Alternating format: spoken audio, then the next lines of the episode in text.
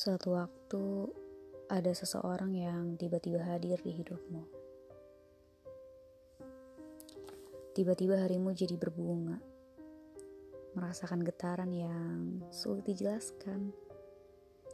Lantas kamu pun mencari tahu, mendekati, menciptakan pertemuan-pertemuan kecil, bahkan melakukan tindakan bodoh demi mencuri perhatiannya merancang segala sesuatu hal untuk memenangkan hatinya. Sayangnya, ia tidak peduli dengan segala usahamu. Dan baginya, dirimu hanyalah seorang teman biasa. Sebagaimana orang-orang di sekitarnya. Kamu pikir hatinya akan luluh dengan seiring berjalannya waktu. Tapi ternyata tidak. Memang tidak semua yang kita damba akan menjadi nyata.